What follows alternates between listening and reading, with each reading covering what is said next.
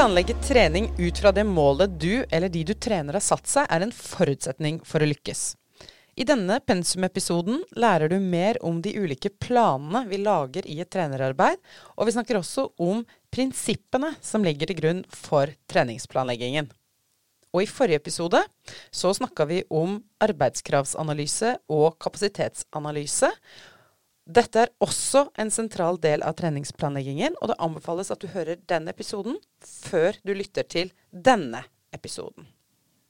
Velkommen til denne episoden av Trenerstudenten. Jeg heter Solfrid Bratland Sanda. Jeg er professor i idrettsvitenskap og fysisk aktivitet og helse ved USN studiested Bø. Og denne episoden har fått tittelen eh, Pensum treningsplanlegging. Og med meg i denne episoden er eh, en dere har lytta til før. Det er Eva Maria Støa. Velkommen tilbake. Takk for det. Eva, hvordan driver vi treningsplanlegging? Ja, nå finnes det ikke et eh, enkelt fasitsvar på hvordan en treningsprosess eller treningsarbeid, det å utvikle utøvere over tid, hvordan det skal gjennomføres. Det vil jo naturlig nok være avhengig av mange faktorer som eh, hvilken idrett det er snakk om, eh, nivå og alder på utøvere, individuelle forskjeller både når det gjelder fysiske, psykiske og sosiale egenskaper, eh, hvilke rammebetingelser man har i klubb, som trener, som utøver osv. Men i treningslitteraturen så er det jo likevel en del fellestrekk når, det gjelder det å sette opp planer for treningsarbeidet. Og de deles gjerne inn i langtids- eller flerårsplaner, årsplaner, periodeplaner, ukeplaner og øktplaner. Og det skal vi snakke om i dag. Mm. Og så er det vel kanskje litt ulike meninger om dette med hva er optimal trening, eller hva er det mest optimale eller mest effektive for å nå det målet du har satt deg? Kan du ikke si litt om det? Ja, det er jo det. Eh, det vil jo også være litt på en måte avhengig av hvilken idrett man driver med, og hvilket miljø, treningsmiljø man kommer fra. Så det er jo litt, litt sånn omdiskutert. Men, men, likevel så er det jo en stor enighet om noen helt grunnleggende treningsprinsipper. Eh, for å trekke fram tre helt sentrale. Variasjon, progresjon og spesifisitet. Vi har vært litt innom det i noen tidligere episoder, og vi kommer til å snakke mye mer om det også når vi skal ha episoder om det å utvikle ulike fysiske egenskaper, sånn som spenst, styrke, hurtighet, utholdenhet og bevegelighet. Det som er helt grunnleggende i treningslæra, det er at treningsarbeidet det er gjerne en kombinasjon av erfaring fra beste praksis, altså erfaringsbasert kunnskap, og kunnskap da eh, basert på forskningsresultater. Hvis, vi, hvis, vi, går litt inn i disse prinsippene, Eva. Kan, kan, du ikke kjapt ta oss igjennom og repetere for oss? Eh, det er helt riktig som du sier at vi har jo eh, omtalt disse prinsippene litt i andre sammenhenger. Eh, F.eks. dette med å trene seg i akademisk toppform. Altså, mm. det er de samme prinsippene vi bruker hvis vi skal trene oss på å bli gode til å lese, trene oss på å bli gode til å skrive. Eh, men kan, kan, du ikke kjapt ta oss litt sånn igjennom disse prinsippene igjen? Hva, hva er de ulike prinsippene? Ja, jeg kan jo fokusere på de tre jeg nevnte nå, som vi kommer til å eksemplifisere litt videre også, kanskje. Det, det med variasjon det står jo sentralt bl.a. for det å eh, unngå og at man blir overtrent, at man må variere treningen. Eh, det med spesifisitet, det handler jo om at eh, det meste av treningen bør være spesifikt rettet inn mot den idretten man driver. Særlig på et høyere nivå. Jo eldre man blir, jo mer man satser, eh, jo sterkere blir kanskje det prinsippet om treningsspesifisitet. Og så er jo hele tiden det med treningsplanlegging, det handler jo om å ha en optimal progresjon. En optimal fremdrift for utøveren. Og der står jo også, når det gjelder det, så står jo også det prinsippet om individuell tilpassing helt sentralt. For å få til en progresjon så gjelder, kan man ikke tre én treningsplan over alle, man må tilpasse på individnivå. Så det er kanskje de mest sentrale treningsprinsippene. Mm. Og hvis vi eh, prøver å, å veldig sånn konkret å eksemplifisere så hvordan vi varierer, eh, hvordan vi varierer treninga, kan f.eks. variere mellom hvor mange økter du har per uke, mm. innhold i øktene eh, og intensiteten i mm. øktene. At du kan ha perioder hvor du har mer intensive treningsperioder, og andre perioder hvor du har eh, kanskje lavere belastning eller intensitet i treningsøktene. Noen uh, uker eller noen perioder kan du ha flere økter, altså et større trøkk.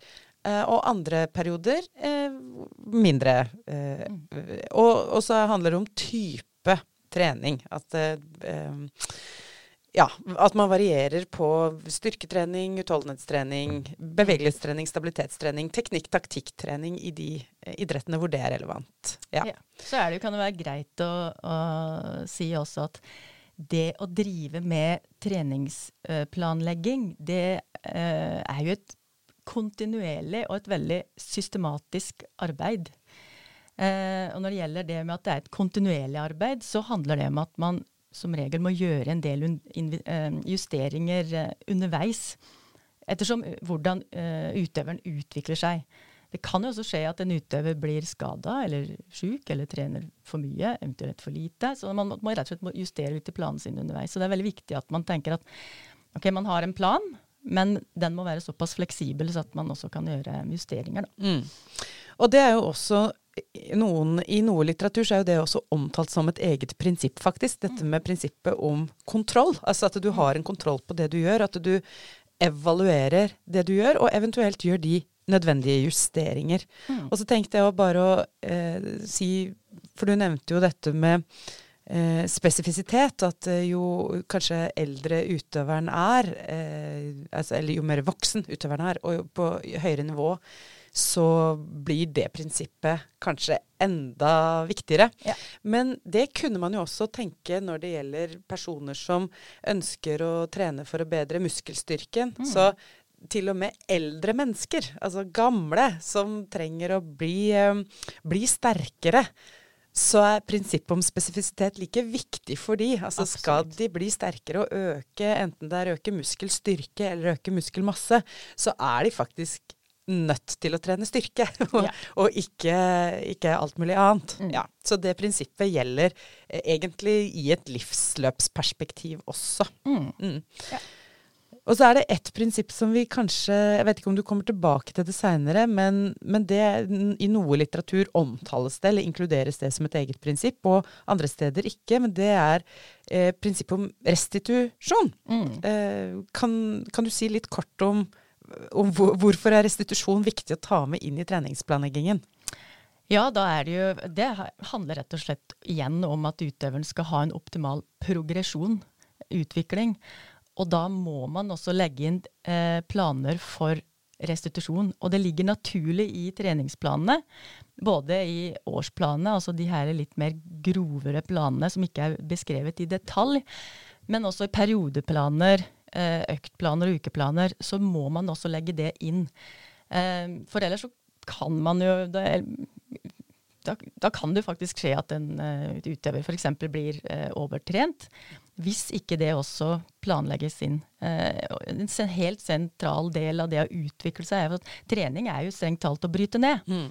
Så man må ha pause eller roligere trening etterpå for å på en måte bygge igjen, opp igjen kroppen til et, et litt høyere nivå. Mm. Så det blir en positiv spiral, og ikke en negativ eh, spiral. Ja. Eva, skal vi gå litt inn på de ulike mm. planene? Mm. Mm. Uh, ja, vær så god. ja, vi kan starte med sånn flerårsplan, da.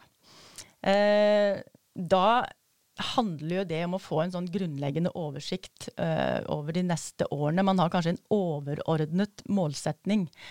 Uh, hvis vi relaterer dette her litt til idretten, så kan det handle om å kvalifisere seg til en spesiell konkurranse. Det kan handle om å gå opp en divisjon. Det kan handle om å bli tatt ut på landslag eller kvalifisere seg til EM. Altså det, er mange ulike mål som, som kan være førende for det. Uh, men det er som regel en veldig grovskisse.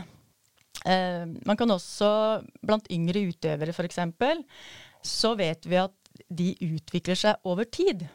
Eh, og de øker treningsbelastningen over tid med økende alder, og den samtidige utviklingen av fysiske, psykiske og sosiale egenskaper.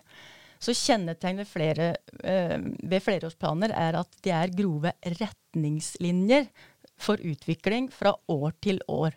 Men de er ikke beskrevet i detalj.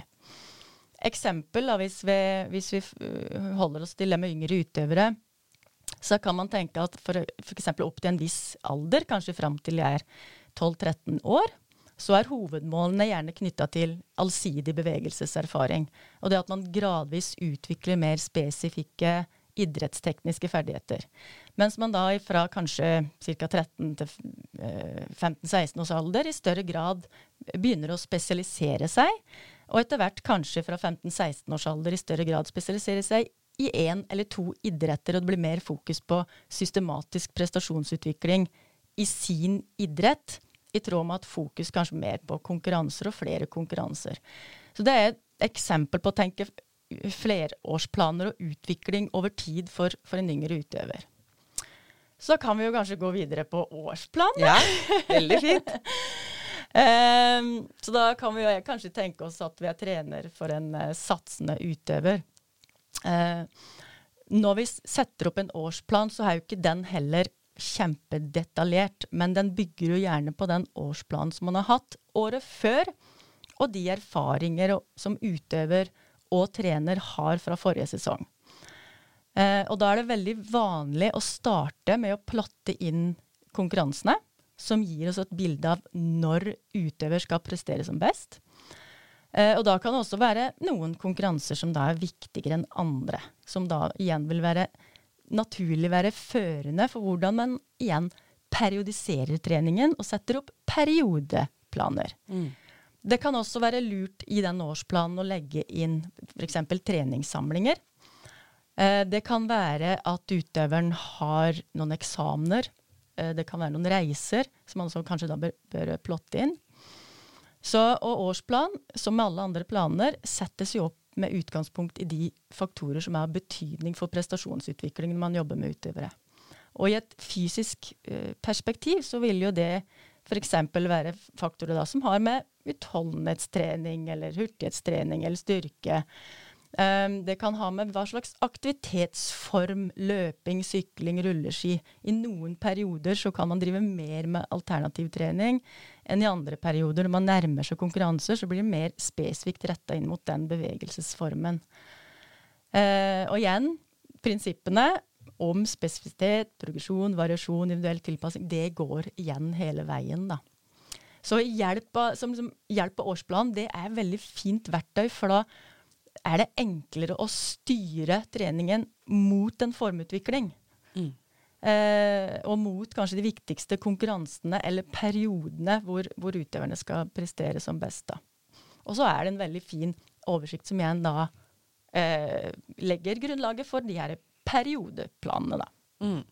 Og Der kan vi jo også si at de utøverne, kanskje særlig yngre utøvere, som mangler den type årsplaner, og hvor Hvis du tar en, en, lagspiller, da, typisk en fotballspiller, som er eh, Eller identifiseres eller oppleves som veldig talentfull av trenere og ledere i klubben, så er den spilleren fort Den spilleren kan fort vekk bli brukt både på sitt eget lag, på laget aldersklassen over, hvis utøveren har nådd en alder som gjør at uh, spilleren også kan spille på senior, junior og seniorlag, og utøveren er med på kretslag, kanskje til og med er så god at det uh, blir tatt ut på aldersbestemte landslag, så er det plutselig fryktelig mye konkurranser, altså i form av kamper, da, ja.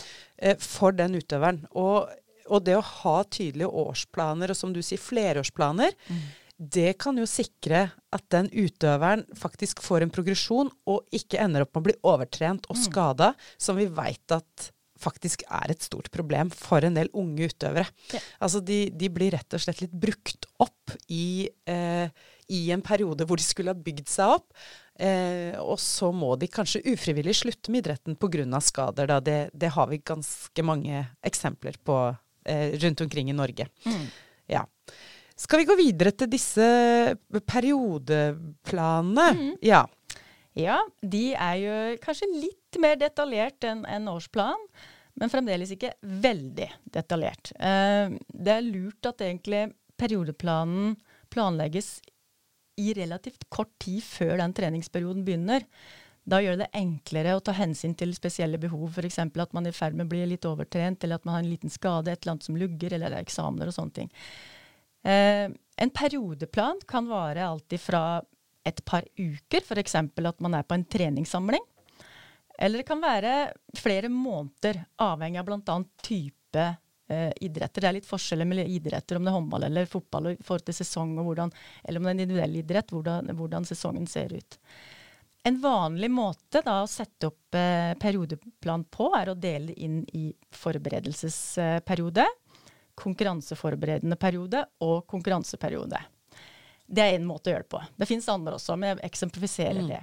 Uh, for å følge utvikling så kan man da gjennomføre tester mot slutten av hver periode, som så da vil være førende for neste periodeplan igjen. I tillegg så er det jo vanlig at man igjen da legger inn konkurranser. Eh, og man har kanskje litt mer detaljert styring på treningstimer, treningsformer, aktivitetsformer og intensitetsfordeling. Så hvis man starter da med f.eks. For forberedelsesperioden, da, så kan den igjen deles inn i flere undergrupper, f.eks. ressursperiode 1, ressursperiode 2. Særlig hvis forberedelsesperioden er lang, hvor man da kan fokusere på ulike former for trening, f.eks. Legge opp til litt ulike former for intensitet. Eh, mens man da, når man kommer inn i mer konkurranseforberedende periode, så rettes jo gjerne treningen litt mer spesifikt mot konkurranse. Eh, og det får litt mer fokus i, i treningen, altså da konkurransens bevegelsesform, teknikk, kanskje litt mer også på de mentale prosessene for å forberede seg, altså hvilke, og som også kan handle om konkurranserutiner. Kanskje gjennomfører man flere økter i, i konkurransefart. Eh, så det kjennetegner egentlig den konkurranseforberedende perioden. Og så har du da konkurranseperioden. Og da handler jo essensen her er jo å legge opp treningen på en så optimal måte som mulig for å prestere som best mulig når man skal eh, konkurrere. Så det, da endrer man jo kanskje gå litt ned på den totale belastningen, enda litt mer fokus på det som skal skje i konkurranse. Uh, og man fokuserer gjerne på både formtopping og formbevaring. Mm. Så her, og her er jo det med optimal restitusjon. For det er klart at noen har jo mange konkurranser.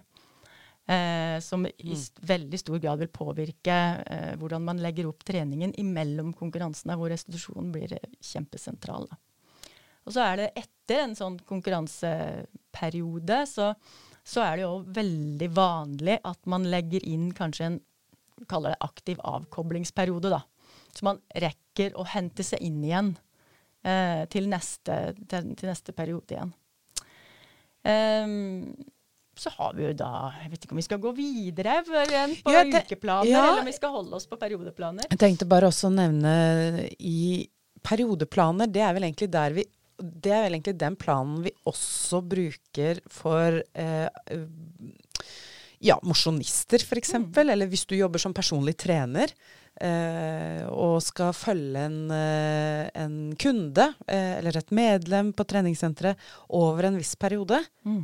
så er de periodeplanene du som trener setter opp mm. med tanke på det målet mm. den eh, kunden din eller det medlemmet ditt har, mm. eh, der er prinsippene du bruker, og, som ligger til grunn, og det å bruke periodeplan, mm. helt sentralt i det arbeidet. Uh, sånn at det også uh, Det er ikke så vanlig å lage flerårsplaner og årsplaner uh, hvis man ikke på en måte er utøver og ønsker å satse eller, eller har et prestasjonsmål knytta til en idrettslig konkurranse. Mm. Men både periodeplaner og for så vidt ukeplaner, og definitivt øktplaner, er også veldig relevant mm. eh, inn mot andre grupper. Enten mm. det er i rehabilitering eller det er mosjonister. Mm. Ja. Kanskje vi skal Ja, Ja, unnskyld. ja, ja, nei, det er, og det er veldig viktig at du sier det med, med målsetning, for det vil jo alltid være førende for treningsplanleggingen. Og, og vi kunne jo egentlig hatt en hel episode om det med å sette opp målsettinger. Men, men bare for å ta bitte litt om det, da, eh, når vi først kommer inn på det, så et, eh, et, enkel sånn huskeregel eh, og et tips eh, som står, går igjen i treningslitteraturen når det gjelder det med målsettinger, er jo den forkortelsen SMARTE. Mm. S-M-A-R-T-E, som står for at gode mål bør være spesifikke, motiverende, ambisjonsrike, relevante, tidsbestemte og enkle. Og når det gjelder ambisjonsrike, så må jeg bare si at de må også være realistiske. Så, og det er veldig bra at du tar det frem, fordi at det går igjen egentlig hele treningsplanleggingen. Både på årsplan, periodeplan, eh, ukeplaner og øktplan. Hva er målet? Mm. Ikke sant? Hva er målet med denne perioden? Hva er målet med denne uka? Hva er målet med denne økta? Og det er jo veldig viktig at man når man driver med treningsplanlegging, at man har et veldig bevisst forhold til det. Mm. Hvis vi går videre på, uh, på ukeplan, eh, og så tar vi øktplan til slutt. Ja. Um, ukeplan enda kanskje enda litt mer um, detaljert. De blir mer og mer detaljerte, kanskje. Uh, så, men samtidig så er det litt viktig å, å ha- med seg det med fleksibilitet. Man skal være bevisst på hva den uka skal inneholde, men samtidig så må det være rom for en viss eh, fleksibilitet. F.eks. ok, man skal gjennomføre en økt på en gitt intensitet. Kanskje det skal være rom for at man kan velge litt aktivitetsform, spesielt hvis man ikke er i en konkurranseperiode. Um, så, så, og, så, og igjen, trener og utøver de bør ha et veldig bevisst mål med den uh, ukeplanen. Uh, der legger man inn både antall timer, antall økter, plotter inn fridagene. Eh, ganske konkret på intensitet, eh, belastning hvis det er styrketrening. Eh, både treningsform, aktivitetsform, kanskje hvor man skal være. Når er det man har restitusjonsøktene? Og så er det vanlig at kom, det kommer tydelig frem at det er en gunstig veksling mellom da rolige og harde økter, og at man legger, tar hensyn til restitusjonstid mellom de forskjellige eh, øktene. Og en øktplan, Mm. hva eh, bør den inneholde, Eva? Ja, først og fremst så må man jo eh, noe kanskje det første man setter opp, er jo igjen da, hva er målet, målet med denne økten? Er f.eks. eller målet eller hensikten er f.eks. målet å utvikle den aerobe kapasiteten. Okay? Det påvirker hva slags treningsform eh, som da vil være utholdenhetstrening. Eh, hva slags type trening? Ok, det er kanskje langintervaller. Og så må man også beskrive hvordan. Eh, og da kan det eksempelvis være ok, de skal løpe i motbakke tre ganger fem minutter på la oss si 85-90% av makspuls. Da er man konkret. Eh, og så har jo eh, Øktplan skal jo være såpass eh, grundig at man beskriver både oppvarming, hoveddel og nedtrapping. Og det er klart at dette her er kjempeviktig å jobbe grundig med hvis man er litt uerfaren. Trenere og utøvere med veldig lang erfaring, de kanskje ikke planlegger i så detalj, men for en trener så er det veldig viktig uansett, sammen med utøver, det med å ha et helt klart og bevisst eh, forhold til hva målet med økta er. Og så er det også viktig at trener og utøver gjerne evaluerer etterpå. Ehm, og en måte å evaluere på, det er jo å ha kontroll på det som skjer. Det er jo at utøver skriver treningsdagbok. Sånn at man ikke bare får frem uh, den fysiske treningen som er gjort, men at utøver der også beskriver kanskje hvordan oppleves denne treningsøkta. Det kan være ting utenom som gjør at utøver er ekstra sliten. Og at man da, og det det kan vel ligge et mønster som, over tid. ikke sant? Så, så tre, det å skrive treningsdagbøker for utøver er jo et kjempegodt hjelpemiddel både for utøver og, og sin, han eller hennes bevisstgjøring rundt treningen, og ikke minst for treneren. Eh, så, det, så, det, er et viktig og, og hjelpemiddel da, i treningsplanleggingen. Og så har jeg også lyst til å si at disse, dette, det vi har snakket om i dag, det er jo basert på pensum. På, så de som går på, for første år hos oss, eh, de har jo den Gjerset 2015 idrettens treningslære som, på pensum. Og alle de planene vi har snakket om nå, der man kan finne igjen det i pensum. Og finne eksempler på både årsplaner, periodeplaner, ukeplaner og øktplaner. Så det er jo til veldig stor hjelp for å mm. liksom synliggjøre, få et bilde på dette, hvordan dette kan se ut. da. Mm. Og så er det, i tillegg til det å være tydelig på, på målsetning, og, og, selvfølgelig er det jo viktig hva, hva man skal gjøre, mm. men like viktig, og særlig hvis du er en ganske uerfaren og fersk trener, så er dette med å begrunne. Altså mm. hvorfor har jeg valgt denne øvelsen? Hvorfor har jeg valgt å legge gruppa på denne måten? Eller hvorfor har jeg valgt uh, så og så mange i styrketrening? Hvorfor har jeg valgt så og så mange repetisjoner?